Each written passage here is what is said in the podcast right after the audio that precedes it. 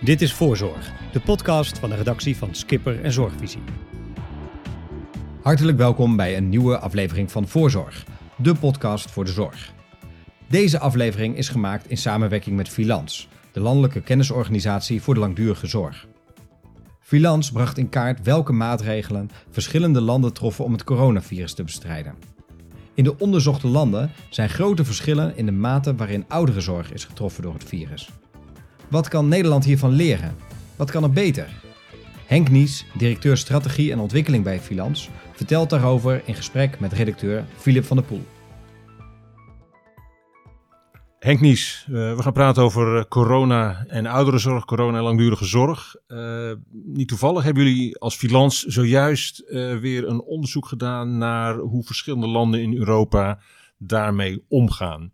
Wat, wat valt daarin op? Ja, nou we hebben sinds het voorjaar volgen we eigenlijk wat de ontwikkelingen zijn in de, uh, een aantal aangrenzende landen. En aangrenzend moet je dan voorstellen, dat is uh, België, Duitsland, Engeland, Denemarken en een paar Scandinavische landen, dus Zweden en Noorwegen ook. En Frankrijk zit ook in het groepje. En we kijken wat er in die landen precies gebeurt, wat ze allemaal doen. En als je kijkt naar wat er uh, opvalt, dan zie je natuurlijk dat er best wel verschillen zijn, grote verschillen zijn in de mate waarin, uh, met name in de ouderenzorg, uh, mensen getroffen zijn door corona. Dat verschilt heel erg tussen de landen. Waarbij de Scandinavische landen, dus met name Denemarken en Noorwegen, eigenlijk hele lage sterftecijfers hebben in vergelijking met Nederland. En een land als België bijvoorbeeld veel hogere cijfers heeft.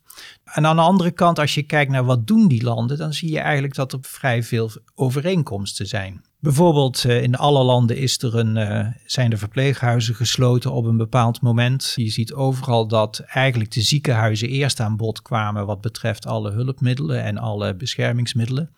Dus in die zin zijn er veel overeenkomsten tussen de landen. Uh, en de uitkomsten die zijn wat verschillend. Oké. Nou, leek het ons in ieder geval een leuk idee om dat buitenland wat dichterbij te halen. Uh, naar Nederland te halen als het ware in deze podcast. En dat uh, doen we in de vorm van uh, interviews die we gedaan hebben met, om te beginnen, Rudy Westendorp, hoogleraar uh, in uh, Kopenhagen. Die kent de Deense situatie dus uitstekend. En uh, met Bernadette van der Heuvel. En zij is zorgbestuurder in, in Vlaanderen, België. Het idee is om eigenlijk Henk jou eens te laten reflecteren op een aantal van hun observaties. misschien goed om met Denemarken, ons toch vaak gezien als gidsland, om daar eens mee te beginnen. Eens kijken wat Rudy Westdorp over die Deense aanpak te melden heeft dat bewustzijn dat je met elkaar een gemeenschap uit, dat je allemaal als individu, als organisatie onderdeel uitmaakt van de samenleving en daarvoor een, of daarom een verantwoordelijkheid hebt naar elkaar, dat is het grote verschil. De grap is, is dat hier in Denemarken begint het met het wie. Wij zijn een samenleving, wij zijn een groep mensen en wij hebben een collectieve verantwoordelijkheid om het voor elkaar te regelen. En daarin heb jij je eigen identiteit. Je hmm. bent niet in wie. In Nederland wordt dat toch anders gevoeld. Wij zijn individuen en al die individuen samen maken een, een wie. En dat betekent dus dat dat collectieve, dat is gewoon secundair, terwijl het collectieve hier in Nederland of in Denemarken primair is. Nou, dus als er iets is als een corona-uitbraak, dan letten wij op elkaar. En het feit dat als er dan quarantaine komt, of quarantaineplicht, ja, dan hou je daar aan. Het is gewoon echt een, ja, een, een, een doodzonde, als je daar gewoon een handje mee ligt. Als je zegt van ja, maar goed, dat is allemaal voor anderen, maar niet voor mij. Het is ook zo, en zo zie je dus dat die volksaard vertaalt in een structuur. Er is hier vanaf week 4 tot 6 is er e- extreem veel testcapaciteit. Daar kijkt Nederland met een, met, met een hoe is dat toch mogelijk? Nou, ze hebben gezegd, we hebben testcapaciteit nodig. Zei de WHO ook. Nou, dat hebben ze in zes, in zes weken opgebouwd. En wat gebeurt er dan? Vanaf week 6 kunnen dus de zorgmedewerkers gewoon zonder tussenkomst van, ieder, van iemand, als zij het idee hebben van ik zou wel eens met corona besmet kunnen zijn, kunnen ze naar de teststraat en binnen 24 uur hebben ze een uitslag. Henk, ik hoor uh, hier Rudy zeggen dat eigenlijk dat collectieve bewustzijn, collectief handelen veel meer verankerd is in, in Denemarken dan in Nederland. Zijn wij nou zo eigenwijs hier in Nederland als het om het navolgen van coronaregels gaat? Nou ja, ik denk dat in Nederland zie je natuurlijk heel veel mensen die zich er wel aan houden aan al die coronaregels. Kijk je naar de internationale uh, informatie die er is over wat zijn nou de risico's in verpleeghuizen in het bijzonder of in de gehandicaptenzorg, dan zie je eigenlijk dat uh, daar waar veel, uh, het veel voorkomt in de bevolking, dat is eigenlijk de voornaamste voorspeller van of er in de verpleeghuizen ook corona voorkomt. Wat wil ik daarmee zeggen? Je kunt de vraag stellen: heeft onze overheid het goed gedaan? Of je kunt de vraag stellen: heeft onze verpleeghuiszorg het goed gedaan? Maar eigenlijk is het toch de vraag van hoe doet onze samenleving het? En Rudy maakt denk ik terecht een uh, verwijzing naar hoe de Deense cultuur is. En we zien tussen de verschillende landen dat de culturen er wel toe doen.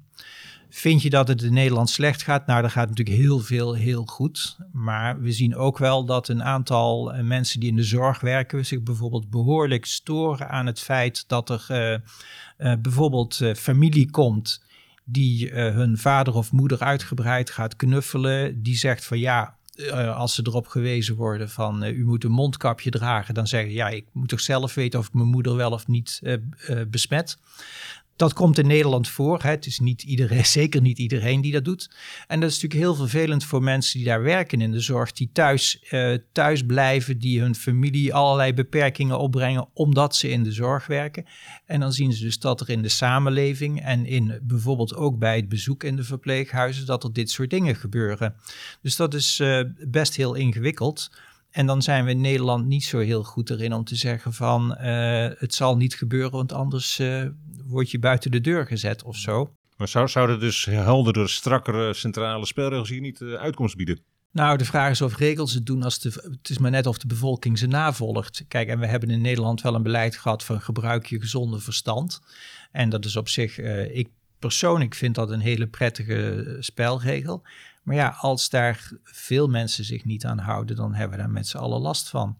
Maar wij zijn het land er niet naar om daar heel uh, onderdrukkend in te zijn en heel bestraffend in te zijn. En dat is in andere landen ligt dat wat anders. Dus dat is echt een stukje volksaard wat uh, niet meezit in dit vraagstuk. Ander punt wat, uh, wat u aanstipt is uh, het verhaal van die testcapaciteit. De Wereldgezondheidsorganisatie zijn al in een vrij vroeg stadium testen, testen, testen. Denemarken lijkt goed geluisterd te hebben naar die boodschap. Ja. Um, zijn wij toch niet een beetje te traag geweest met het opschalen van die testcapaciteit? Met name ook om zorgprofessionals in de gelegenheid te stellen getest te worden. Ja, ja de Denen waren heel snel met het op orde hebben van hun testcapaciteit. Die hadden op tijd eigenlijk daarvoor al uh, voldoende inges of al, al vrij veel capaciteit ingeslagen. Dus dat was ook een beetje een geluksfactor voor zover ik begrepen heb van de Deense collega's.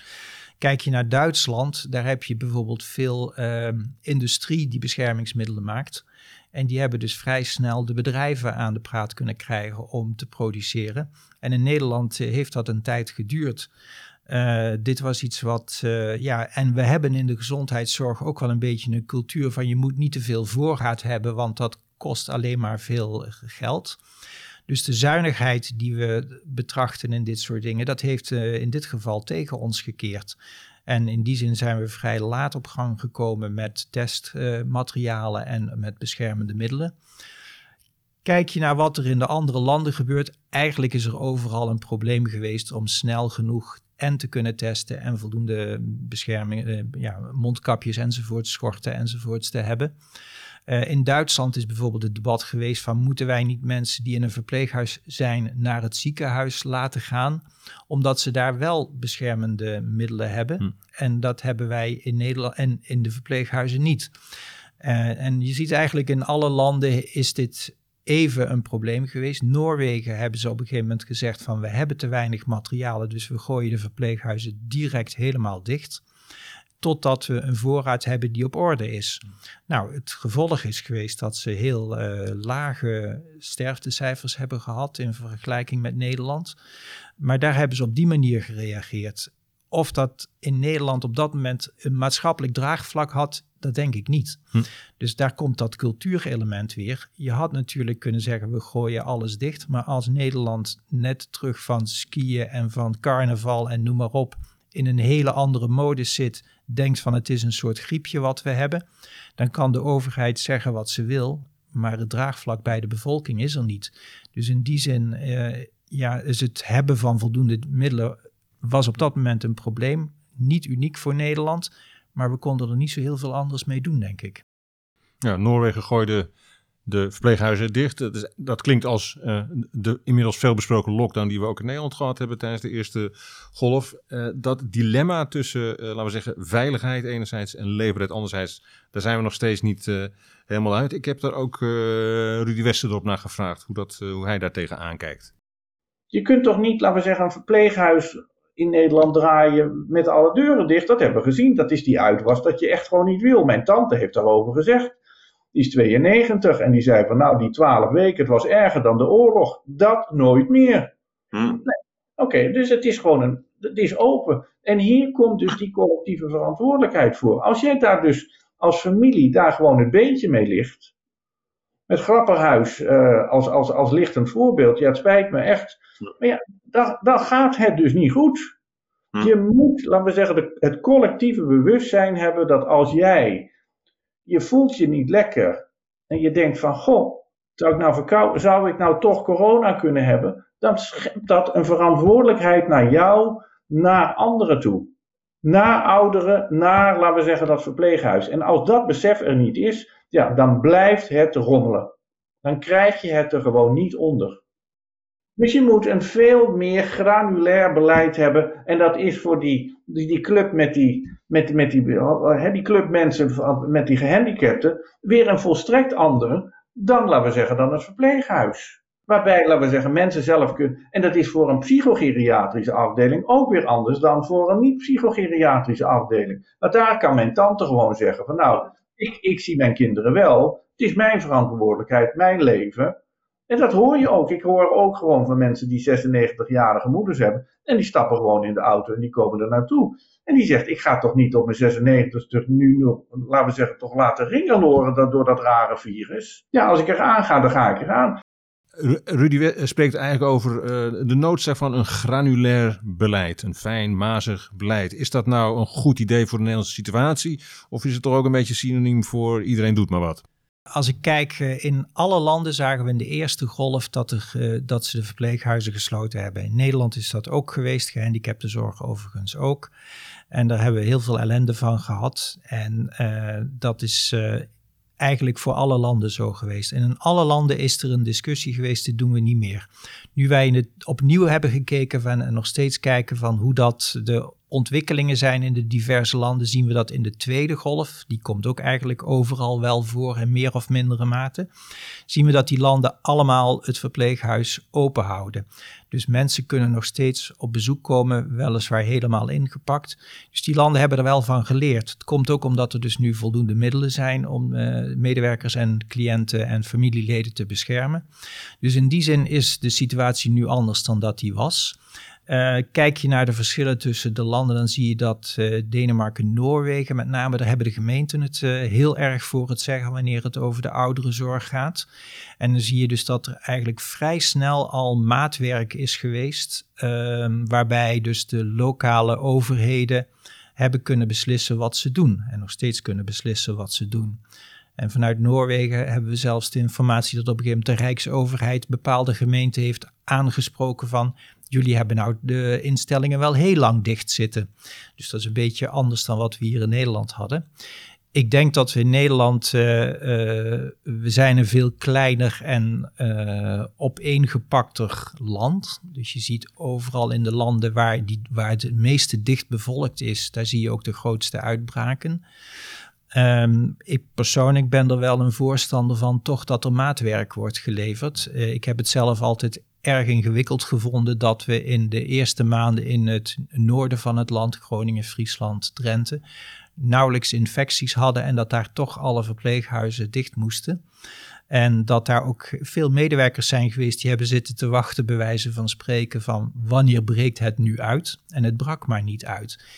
Kijk je over de landen heen, dan zien we eigenlijk dat alle landen hebben een centrale overheid die snel kan handelen en doortastend kan zijn. Maar we zien ook dat er snel gedecentraliseerd wordt dus in Duitsland zie je dat de Bundesländer, die hebben een grote uh, bevoegdheid om zelf hun beleid te maken. En daarbinnen heb je ook weer regionale verbanden. Dus dat er een vorm van regionalisatie plaats heeft en dat niet alles uh, over één kam geschoren wordt, dat lijkt me, lijkt me heel verstandig. Want de impact in de samenleving is dermate groot dat we kunnen wel gefocust zijn op uh, wat er in de ziekenhuizen gebeurt en wat er in de verpleeghuizen gebeurt. Maar mensen die in de gehandicaptenzorg wonen en werken, mensen die thuis zijn, maar ook allerlei andere maatschappelijke sectoren, die moeten ook verder. En om een hele samenleving uh, stil te leggen, dat vind ik wel een erg ingrijpende maatregel. Dus ik denk als je dat met maatwerk granulair kunt oplossen, of althans daarop kunt inspelen, dan lijkt me dat heel verstandig ja, hoe je het went of verkeerd, het raakt toch aan het wezen van, uh, van de langdurige zorg. Uh, uh, nou, daar heeft Rudy ook een prikkelende opvatting over. Institutionele zorg, waar gewoon Nederland nog op drijft. Vader weet het, de regering weet het, de overheid weet het. Want daar zien we dus nu, dat werkt dus niet. Corona laat zien waar, laten we zeggen, de zwakke plekken zitten in een samenleving en ook in de langdurige zorg. En als het gaat om een herinrichting van die langdurige zorg, wie is het eerst aan zet? Het oude mens zelf en zijn en of haar plaats vervangen. En dan is het voor de aanbieder vooral heel zaak om heel goed te luisteren en daar wat mee te doen. Ja, want die, die zitten natuurlijk niet te wachten op die verandering. Dus ik praat over, vroeger heb ik wel eens over revolutie gesproken, revolutie van het oude mens. Nou, revoluties dat werkt meestal niet, maar dit is wel een moment in de geschiedenis van de langdurige zorg in Nederland.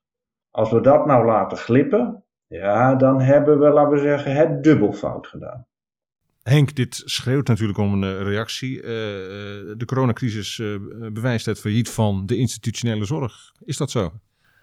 Ik vind het wel een stoere uitspraak, moet ik zeggen. Uh, er zijn natuurlijk, we zijn in Nederland, we komen van 11, 12 procent van de 65-plussers die enkele decennia geleden in intramurale settings zaten. Dat is nu nog maar een woonden. Dat is nu nog maar een paar procent van over. Dus we hebben de afgelopen decennia al heel veel institutionele zorg opgeruimd. Dat geldt ook voor de gehandicaptenzorg. En je ziet ook in de gehandicaptenzorg dat er een hele grote vermaatschappelijking plaatsvindt. Dat mensen in de samenleving zijn gaan wonen. Dat er een empowerment plaatsvindt. Ik denk dat de ouderenzorg zou wel eens zou nog meer naar de gehandicaptenzorg kunnen kijken om te leren van hoe pak je dat dan aan. Uh, daar staat bovendien uh, is het zo dat we natuurlijk ook een heleboel intelligente adviezen hebben, zelfs van voor de coronatijd, waarbij dus eigenlijk staat uh, beschreven onder andere de commissie, de commissie onder leiding van Wouter Bos heeft daar uh, allerlei dingen over gezegd van dat we eigenlijk veel meer moeten gaan naar een uh, inbedding in de samenleving. Dat heeft te maken met wonen, dat heeft te maken met meer zorg thuis. En wat ik, mij erg opvalt in de huidige discussie over de coronacrisis, dat gaat eigenlijk alleen maar over institutionele zorg. Het gaat over ziekenhuizen, het gaat met een op afstand over verpleeghuizen. Wat er achter de voordeur gebeurt bij mensen thuis, daar hoor je niks over. En dat vind ik eigenlijk wel, uh, wel verontrustend omdat de meeste mensen met langdurige zorgvragen en complexe problematiek, die wonen thuis.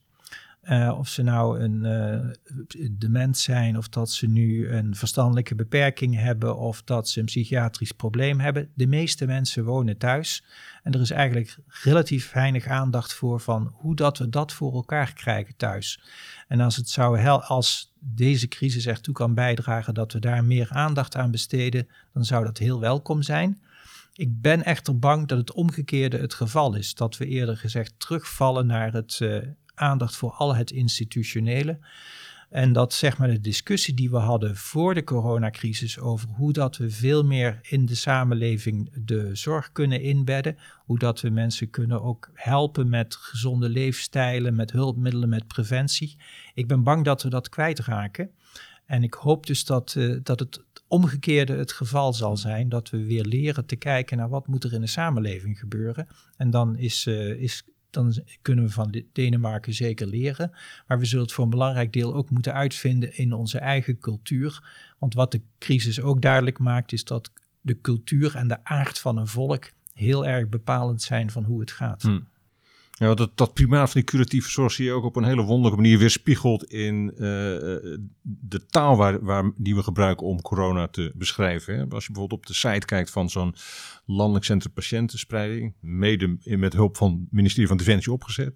Dan kom je termen tegen als current ops. Uh, nou echt, dat je denkt van zo, dit komt uit het commandocentrum. Maar dat roept natuurlijk wel de vraag, kun je überhaupt met zulke taal, met zulke termen, de werkelijkheid van de langdurige zorg beschrijven? Nee, dat kun je niet. Um, het is natuurlijk ook een soort crisiscultuur die er is. Maar ja, hoe lang wil je een crisis laten duren? En hoe lang wil je dus in die oorlogsstand blijven? Hè? Want er is ook heel veel oorlogstaal die erover gaat. En op een bepaald moment zullen we het weer moeten gaan hebben over de waarden uh, die van belang zijn.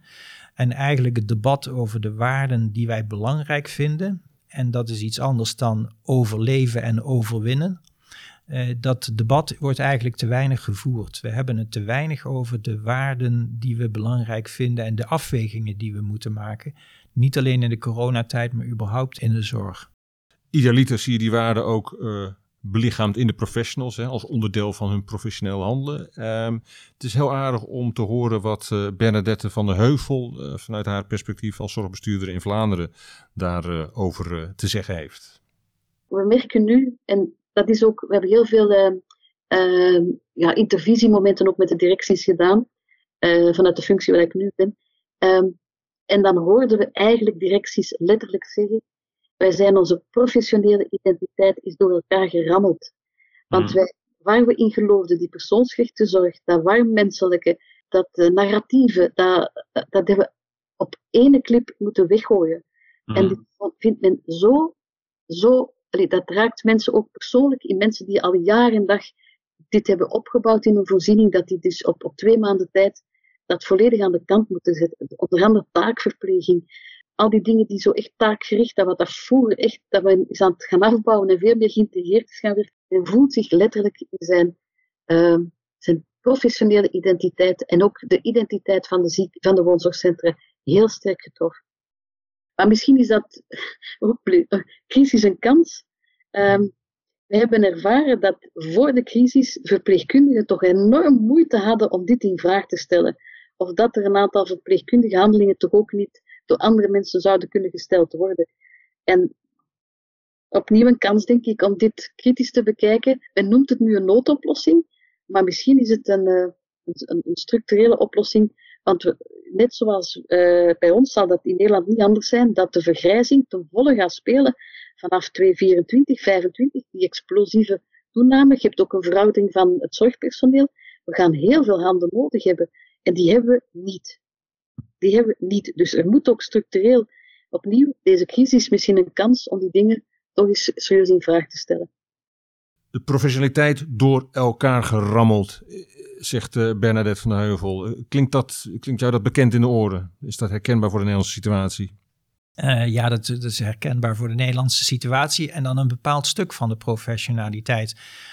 Zeg maar de verpleegkundige, de verpleegtechnische professionaliteit, die is heel sterk aangesproken. Maar de andere kant, waar mensen natuurlijk ook in, de, in de ouderenzorg, in de gehandicaptenzorg erg mee bezig zijn, is van hoe kan ik persoonsgericht werken? Hoe kan ik goed met uh, de, de mensen helpen in hun leven om een goed leven te leiden. Dat is iets waar heel veel mensen het gevoel van hebben te, gehad van daar heb ik uh, niet kunnen doen wat ik had willen doen, daar ben ik in tekort geschoten. Daar staat tegenover dat ook heel veel, uh, dat die, die geluiden bereiken ons ook veel, is dat men in Nederland ook heel veel mensen hebben gezegd van nou ja, ik ben er wel voor gaan zitten voor een cliënt. Het feit dat ik niet hoefde te vergaderen, dat er uh, weinig bezoek was, dat gaf ook op een bepaalde manier ruimte om met individuele cliënten uh, iets bijzonders te doen. Dus er zijn ook mensen die zeggen: Ik heb ook mooie momenten meegemaakt met cliënten, waarbij ik dus een andere kant van de professionaliteit heb kunnen laten zien. Dus die twee kanten van professionaliteit die zijn er allebei geweest, waarbij die laatste natuurlijk heel vaak wel ingewikkeld was en niet zodanig als men dat gewild had. Het bijzondere is dat we in de gehandicaptenzorg en ook in de ouderenzorg zien dat in een aantal gevallen uh, cliënten uh, er eigenlijk een stukje mee opgeleefd zijn met die hele uh, crisis, dat ze minder onrustig waren. doordat er dus veel minder hectiek was in die organisaties. En dat zijn ook geluiden die we uit het buitenland soms horen. Dus er is heel veel verdriet en ongemak en ellende geweest.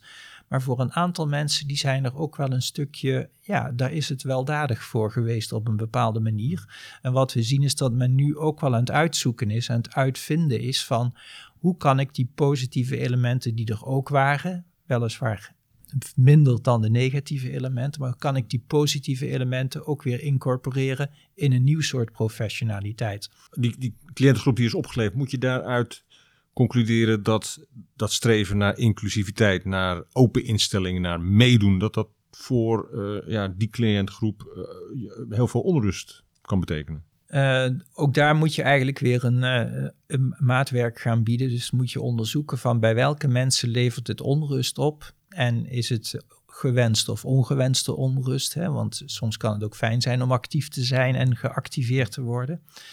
Uh, en we, zijn, we, we, weten het op dit moment nog niet uh, bij wie het precies wel en bij wie het precies niet goed heeft uitgepakt. Uh, dat is echt iets wat we moeten verder uitzoeken. Maar je kunt het je eigenlijk best wel voorstellen dat als je moeite hebt om te begrijpen wat er gebeurt, om te bevatten wat er gebeurt, en het kan zijn als je een verstandelijke beperking hebt of als je een geheugenprobleem hebt, dat je niet kunt duiden wat je allemaal hoort en ziet dan kan het op een gegeven moment ook prettiger zijn om wat minder van die prikkels te hebben. Dat wil niet zeggen dat mensen in een isolement moeten gaan leven of wat dan ook, want daar, daar wordt het niet eh, voor niemand beter van. Maar er zijn zeker uh, aangrijpingspunten voor sommige mensen. En nogmaals, het persoonsgerichte daarbij is erg belangrijk. Dat we kijken bij wie dat nou is en in welke omstandigheden. Daar kan het beter voor zijn, ja. Hmm. Uh, het feit dat professionals uh, soms meer tijd hadden voor de cliënt daar gelaten. Het is natuurlijk evident dat uh, ja, de coronacrisis ook de schaarse arbeidscapaciteit in de langdurige zorg erg onder druk heeft gezet. Hè? En zeker nu je ziet dat er ook uh, ja, verzuimpercentage, ziektepercentage op de van 10 procent. Um, die suggestie van Bernadette om, ja, om dan toch ook, laten we zeggen, dat takenpakket van professionals opnieuw in te delen. Zou dat soelaas bieden voor de toekomst? Ja, denk ik wel. Ik denk dat dat een heel interessante eh, ontwikkeling is die gaande is.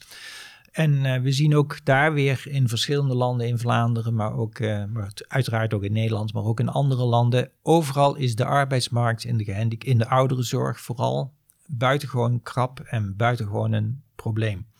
En overal wordt nu gekeken van kan ik mensen die op straat zijn komen te staan, die geen werk meer hebben uit andere branches. Nou, in Nederland is dan de KLM, maar in België kijken ze ook naar stewardessen bijvoorbeeld. Of mensen uit de horeca of andere maatschappelijke sectoren, kan ik die bijscholen om uh, stukken van het werk te doen wat nu professionals doen. Uh, dat zal niet het uh, volledige integrale pakket zijn, het volledige pakket van een verpleegkundige of verzorgende, maar op een aantal aspecten en taken zou dat zeker wel kunnen. En dat is denk ik een, uh, ja, een perspectief wat we moeten gebruiken, ook naar de toekomst toe, uh, om uh, een stuk van de arbeidsmarktproblematiek op te lossen. En zeker nu tijdelijk. Ik denk dat we wat reservecapaciteit, net zoals dat we voor de, de hulpmiddelen en de beschermende middelen dat we daar reserve, reservevoorraden voor moeten hebben, voorraden hm. voor moeten hebben. Zo hebben we dat eigenlijk op de arbeidsmarkt ook. We zien in Nederland nu ook al initiatieven om heel gericht mensen bij te scholen, zodanig dat ze een deel van de taken kunnen uh, oppakken.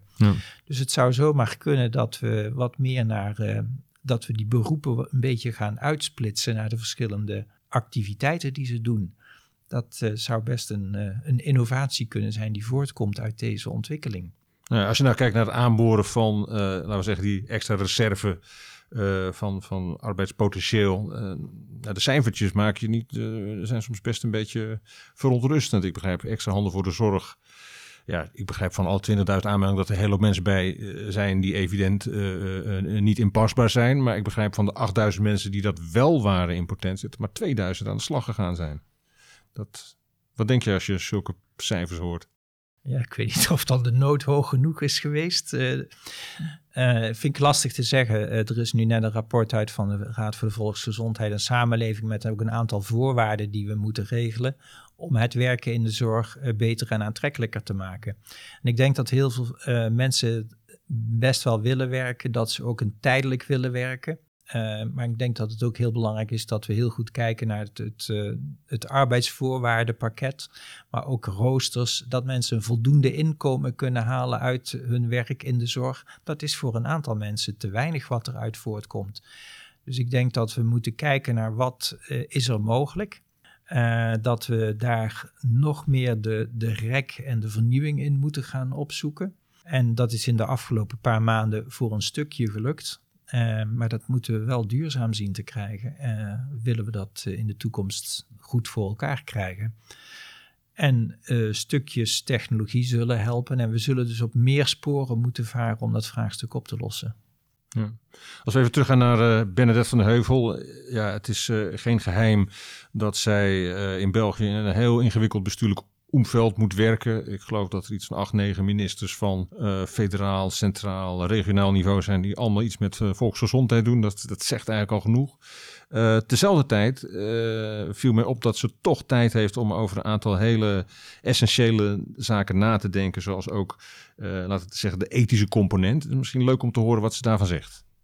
Ik denk dat de beweging en het voortschrijdend inzicht van het enorme accent op veiligheid naar een proportioneel evenwicht tussen veiligheid en welzijn, dat dit uh, toch is ingezet. We hebben ook in Vlaanderen hebben we ook een uh, ethisch kompas daarvoor opgericht. Zodra dat het bezoek terug vrij komt, dat het terug, terug meer komt, heeft men vanuit uh, een aantal ethici een, een, een ethisch kompas geschreven. Mm. En, en, en dat wordt ook daadwerkelijk gebruikt in de, in de huizen? Er wordt steeds naar, naar verwezen ook. Dus straks dat ethisch kompas is voornamelijk ook door onze, onze ethici van Zorgnetico ook beschreven. Ja. Dus wij, wij bevelen de leden dat constant aan. Constant uh, verwijst men naar de waarden die in conflict zijn en de logica's die, die, die elkaar ja, wat, wat bestrijden. En dat men altijd in communicatie, in dialoog uh, moet uitgaan en ook vanuit die persoonsgerichte zorg de context meenemen en, en proberen daar een evenwicht te vinden. De goede antwoorden zullen niet altijd gevonden kunnen worden, maar hm. minstens proportioneel uh, het evenwicht zoeken en dit altijd vanuit een participatief proces. Voor mij fundamenteel dienen de richtlijnen veel meer uit te gaan van de rechten van de mens. En dat is voor mij het meest fundamentele, is dat de, de vrije keuze van de persoon, de autonomie, de zelfbeschikking uh, op de voorgrond moet staan, maar voor mij altijd autonomie in verbondenheid. Het is niet omdat ik wil dat uh, ik besmet raak, dat, dat de anderen moeten besmet raken. Ik zeg het nu wat, wat met een boetade. Maar uh, ik vind wel dat, dat mensen die daar ja, bewust voor kiezen van die, die keuze te maken voor hun leven, dat we dat ook moeten respecteren. En, en dat is voor mij de kern, de rechten van de mens daarin. Maar altijd in verbondenheid met de omgeving. En vanuit een, als men rechten wil, dan moet men ook verantwoordelijkheden dragen. En dan moet men zich ook verantwoordelijk dragen voor de keuzes die men maakt. Uh, Henk, een ethisch uh, kompas, dat klinkt als een goed idee. Ik bedoel, hebben wij iets soortgelijks in Nederland of is dit nu een heel mooi uh, ja, een Vlaamse innovatie? Ja, ik geloof het niet. Tenminste, ik mis zelf echt een goed evenwichtig debat over de ethiek in de hele coronasituatie. Zowel maatschappelijk als in de zorg als in de langdurige zorg. Uh, ik heb ook bijvoorbeeld in Zweden, daar hadden ze in mei hebben ze daar al een uh, ethisch kader gemaakt, wat gebruikt wordt voor de macro-afwegingen en de micro-afwegingen, zo gezegd. En daar zitten dingen in als we we moeten kijken hoe we de schade kunnen beperken. Uh, we moeten een proportionele afweging maken. Dus het moet in verhouding staan tot de opbrengsten. Er wordt gekeken naar waardigheid. Uh, mensen moeten in waardigheid hun leven kunnen leiden, ondanks al de maatregelen die nodig zijn. Uh, solidariteit, verbondenheid zit ook in dat kader. Dus je vindt in Zweden ook bijvoorbeeld dat daar een debat is geweest over, en nog steeds is, over de waarden in alle landen is er een discussie geweest over uh, mensenrechten. Dat hebben we in Nederland ook gehad. En het is nu een beetje over, maar dat is er wel geweest. We krijgen natuurlijk ook weer een debat. Wie heeft er nou recht op het vaccin? En is er een plicht voor een vaccin? Dus er zitten heel veel uh, ethische discussiepunten aan het hele vraagstuk van corona. En als ik kijk naar wat wij aan Vilans, bij Vilans doen, daar kijken we ook naar uh, ethische vraagstukken die er zijn. En daar komen we ook uh, op het niveau van individuele mensen, of ze wel of niet uh, op bezoek kunnen komen, of ze hun naasten mogen aanraken enzovoort. Dat zijn dingen die kun je vanuit regels benaderen, maar je kunt ze ook vanuit ethiek benaderen.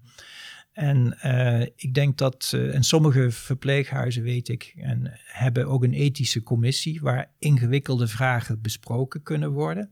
Waarbij ook medewerkers te raden kunnen gaan van ik heb dit vraagstuk, kun je met mij meedenken hoe dat ik dat oppak?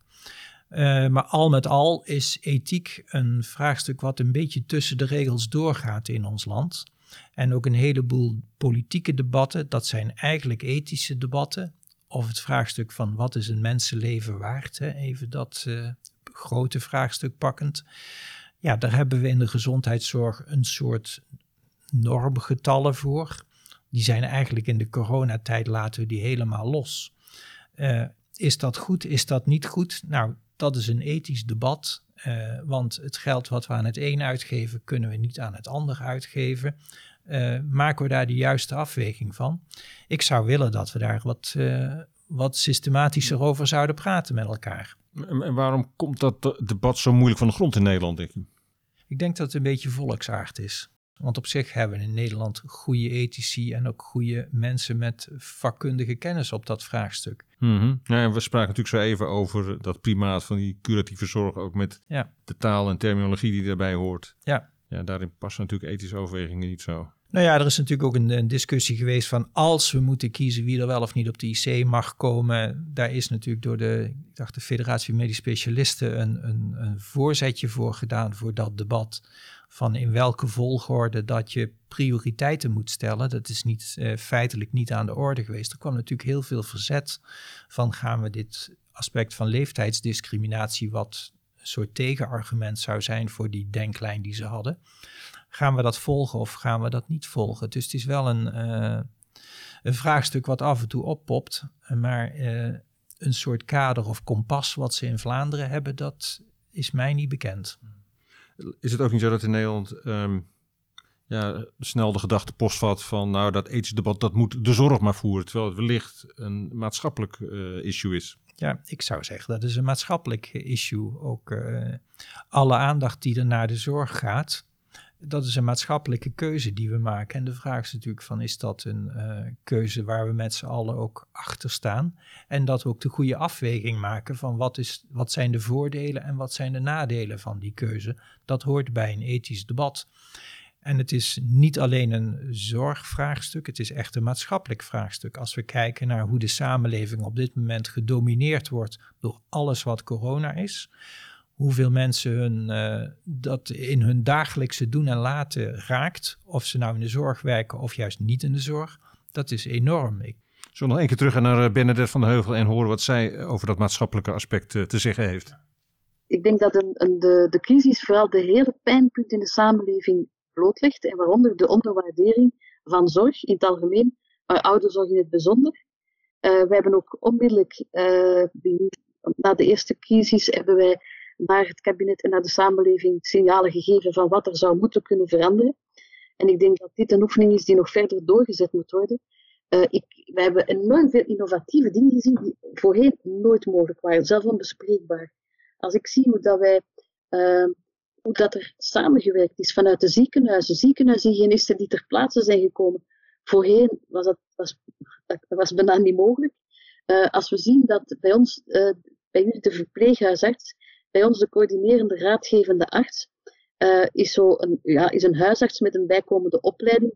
Men heeft gezegd, no way back. Deze man die moet veel meer ondersteund worden, veel beter gefinancierd worden, wat ook ondertussen gebeurd is. Men heeft vanaf vanaf eh, de maand juli die, men, die man of vrouw veel beter gefinancierd. Die was ook totaal ondergewaardeerd.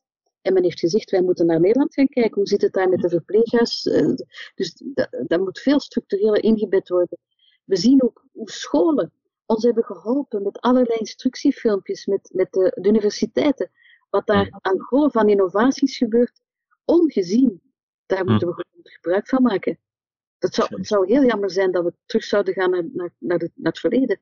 Bij ons wordt ook gezegd dat uh, er zijn stemmen die zeggen het moet helemaal dicht, alles moet dicht. Je moet die woonzorgcentra sluiten, uh, je moet het totaal anders gaan bedenken. En uh, wij zeggen, deze, deze crisis heeft eigenlijk, um, ja, wat dan je zegt, het is een existentiële crisis van de ganse residentiële ouderenzorg. Dat klopt. En nu, dat is een uitdaging op zich. We willen daar graag op doordenken. Maar als je dus de hele verpleeghuissector zou sluiten, voor mij echt geen probleem, maar dan moet men ook consequent zijn en heel de samenleving durven daarop organiseren. En Mm. dat is een ander paar mouwen. Hè. Dat is een ander paar mouwen, Henk. Ja. ja, handen uit de mouwen zou ik denken ook. Ja. Maar goed, ze roert natuurlijk wel een eh, heel fundamenteel punt Ja. aan. eh, van ja, wil die ouderenzorg eh, die balans tussen veiligheid en, en kwaliteit van leven ook in de toekomst echt kunnen waarmaken? Ja, dan zullen er ook maatschappelijk gezien wat dingen moeten veranderen. Zie je dat ook zo? Zeker, zeker. Ehm, maar dat is eigenlijk iets wat ook van voor de coronatijd speelde dat al. En het krijgt misschien nu een wat eh, een extra accent. Maar ik denk dat we als we in een nieuwe vorm van normaal komen, zullen we zeker eh, hierop door moeten gaan en hierop voort moeten borduren. Als je kijkt naar in de samenleving dat we bijvoorbeeld bezig zijn met dementievriendelijke gemeenten, eh, dat soort ontwikkelingen. Als we het erin zouden slagen om het VN-verdrag voor de gehandicapten om dat nou eens echt goed op te pakken en een samenleving te maken waarin die toegankelijk is voor iedereen, waarin mensen eh, elkaar beter begrijpen. Eh, dat, dat zijn dingen die we moeten doen. Maar dat is iets wat lang zal duren, wat niet zomaar in een paar jaar voor elkaar is. Eh, ik pak weer het voorbeeld van Denemarken. Daar is al heel lang een lijn van zo lang mogelijk zelfstandig. Belangrijk dat je je autonomie kunt hebben, maar wel in verbondenheid met anderen en ondersteund door een overheid als, het moment, als je het niet zelf kunt. Nou, dat is een ontwikkeling van decennia. Dus als we zeggen we moeten de samenleving uh, veranderen en de, daarmee de ouderenzorg en de gehandicaptenzorg helemaal anders doen, dat is op zich een goede tekst. Alleen het is niet volgend jaar klaar en het is echt ook niet dat dat in één kabinetsperiode kan. En dat is eigenlijk wel een beetje een probleem van datgene wat politiek kan doen aan deze ontwikkeling. Dat is beperkt, omdat dat toch altijd in kabinetsperiodes met verschillende coalities zit. Je ziet in de Scandinavische landen dat er veel meer continuïteit in, in het beleid is geweest al die tijd. Nou, dat is bij ons wat dynamischer. Dus de ontwikkeling zal uit de samenleving zelf moeten komen en uit de zorgsector zelf moeten komen. Daar zit denk ik de belangrijkste drijfveer om de goede kant op te bewegen. En daar weten we inmiddels best veel van in welke kant het moet gaan. De kunst is om het nou te gaan doen met elkaar en te zorgen dat ook de, de hulpmiddelen, de systemen de juiste kant op wijzen. Maar er zit ook een vraag naar de samenleving, want de samenleving verwacht ook op een bepaalde manier de manier waarop we ouderenzorg en gehandicaptenzorg doen, daar hebben zij ook bepaalde verwachtingen bij. En dat spoort lang niet altijd met de inzichten van meer in de samenleving, meer, uh, meer met elkaar, dat soort mooie teksten. Uh, heel veel mensen vinden ook van ja, god, ik heb toch altijd verzekeringspremie betaald, dus we hebben ook gewoon recht erop dat iemand in een verpleeghuis kan komen. Klaar. Nou, dat is even een beetje kort door de bocht geformuleerd. Maar dus we hebben niet alleen een taak uh, binnen de zorgsector, dat is een hele belangrijke taak richting samenleving. En ja, wat ik zeg, dat is niet zomaar klaar. En de coronacrisis kan er misschien wat aan versnellen. Maar ik denk dat we daarna toch weer in een, uh, in een taaie werkelijkheid komen waar je gewoon lange adem voor moet hebben. Dus uh, handen uit de mouwen en hmm in de mouwen. Dat is. Uh... Nou, Bernadette van Heuvel die, die spreekt ook over ongeziene innovaties en kansen. Ik bedoel, Ja. zie jij die ook? Of? Ja, natuurlijk. We hebben heel veel innovaties gezien. We hebben dat is ook in Nederland, maar dat zie ik ook in de andere landen. En dat blijkt ook uit onze monitor.